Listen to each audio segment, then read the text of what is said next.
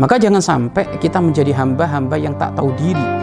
Sudah modalnya semuanya dari Allah, sahamnya dari Allah, semuanya kemudahan-kemudahan dari Allah, eh malah dipakai maksiat kepada Allah. Semuanya kemudahan-kemudahan dari Allah, eh malah dipakai maksiat kepada Allah.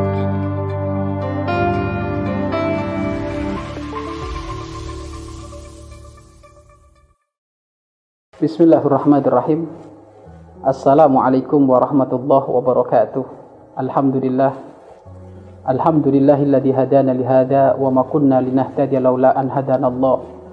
Asyhadu an la ilaha illallah wahdahu la syarika lah wa asyhadu anna Muhammadan abduhu wa rasuluh. Allahumma salli wa sallim wa barik ala habibina wa syafi'ina wa qurrati a'yunina wa maulana Muhammad sallallahu alaihi wasallam wa ala alihi wa ashabihi tabi'ina lahum bi ihsanin ila amma ba'd. Para pemirsa yang dimuliakan oleh Allah Subhanahu wa taala kembali lagi bersama kami Abah Saif Abu Hanifah dalam program 7 menit kita mendengarkan nasihat. Mudah-mudahan nasihat ini menjadi nasihat penyejuk jiwa kita dan menjadi bekal persiapan kita nanti di saat kita menghadap kepada Allah Subhanahu wa taala. Baginda Agung Nabi Muhammad Shallallahu Alaihi Wasallam beliau pernah bersabda, Ajib tuan amril mu'min, aku kagum dengan urusan ahli, ahli iman. Ida asobahut sarro fasyakar, wa ida asobahut doro fasobar. Kama qala fil hadis.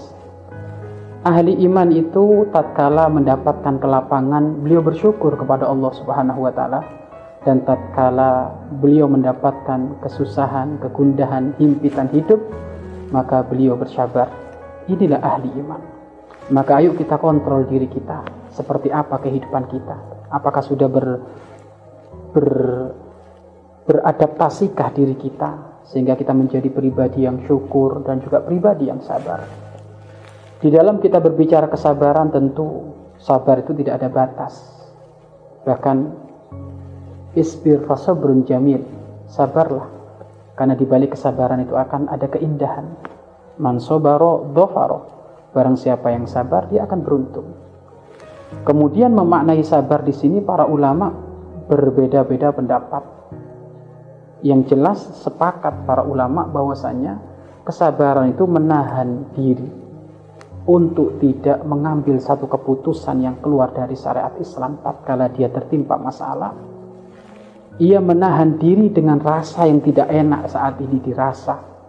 Himpitan hidup, masa pandemi seperti ini, atau lagi kena sakit. Ia menahan itu semuanya untuk tidak mengeluh, menggerutu, untuk tidak over di dalam menyikapi apa yang sudah ditentukan oleh Allah Subhanahu wa taala.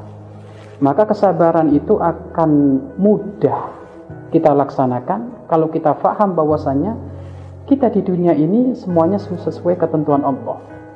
Likulli syai'in qadarun. Setiap sesuatu itu sudah ada ketentuan dari Allah. Saat ini mungkin ketentuan dari kita mungkin ada yang bangkrut. Ketentuan dari kita saat ini mungkin usahanya ada yang jatuh. Ketentuan kita saat ini mungkin ada keluarga yang kita cintai tiba-tiba diambil oleh Allah Subhanahu wa taala. Ketentuan kita saat ini mungkin yang tadinya sembuh tiba-tiba dikasih sakit oleh Allah Subhanahu wa taala.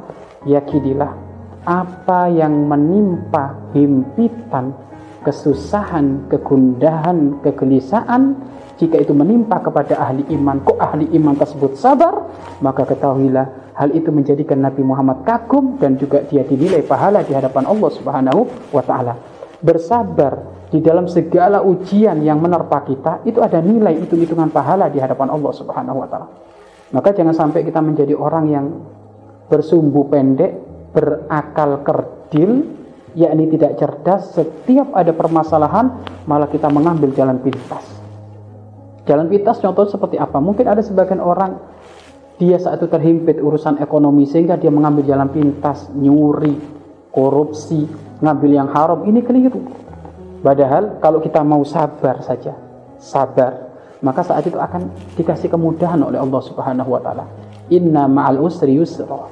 Sesungguhnya bersama kesulitan, kehimpitan akan ada kemudahan.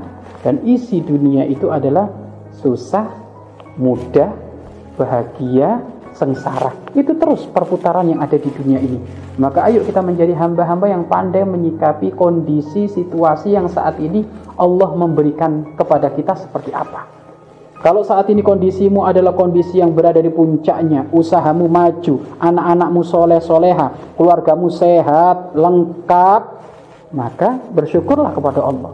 Tetapi kalau kamu berada di satu kondisi yang ternyata di situ ada ada himpitan hidup, ekonomi ekonomimu diambil oleh Allah Subhanahu wa taala. Orang yang kamu cintai tiba-tiba diambil oleh Allah, tiba-tiba toko kita kebakaran, tiba-tiba ibunda kita diambil oleh Allah, ayahanda kita diambil oleh Allah, maka sabar karena di dalam kesabaran itu akan ada buah yang sangat besar. Manisnya seseorang yang sabar, ia akan menemukan manis di dunia, puncaknya nanti manis di akhirat. Dia akan mendapatkan pahala yang agung di hadapan Allah Subhanahu wa taala. Maka ayo, mulai sekarang kita bersabar dan sabar tanpa ada batas. Khususnya mungkin di saat kita didolimi oleh siapa pun, dicaci maki oleh siapa pun, dibully oleh siapa pun, direndahkan oleh siapa pun, nggak perlu kita menampakkan sikap yang arogan, sikap yang yang frontal sehingga silaturahmi terputus. Akan tapi yang penting belajarlah bersabar. Belajarlah bersabar, belajarlah bersabar. Apalagi kita berada di masa puasa Ramadan seperti ini, maka puasa Ramadan ini hikmahnya di antara lain melatih kesabaran kita. Bagaimana tidak dikatakan melatih kesabaran kita? Luwung ikan lauk pauk itu sudah siap ada di dapur. Air dingin itu sudah siap ada di kulkas kita. Bermacam-macam kue sudah siap, tapi kenapa kita harus nunggu adzan maghrib? Ini melatih kesabaran. Maka siapa pun yang benar sabar, seperti ia sabar menunggu buka. Buka itu kan rasa gembira, melepas ia haus, melepas dia lapar, maka siapa pun yang sabar seperti itu, dia akan mendapatkan hari raya ia akan mendapatkan lebaran, ia akan mendapatkan kemuliaan di hadapan Allah Subhanahu wa taala. Maka ayo pemirsa, di mana pun Anda berada, situasi dalam keadaan apa pun saat ini yang Anda rasa, ayo biasakan bersabar, bersabar, bersabar. Mudah-mudahan siapa pun yang sudah sabar senantiasa dibimbing oleh Allah untuk istiqomah sampai nanti menghadap kepada Allah Subhanahu wa taala. Wallahu a'lam bissawab.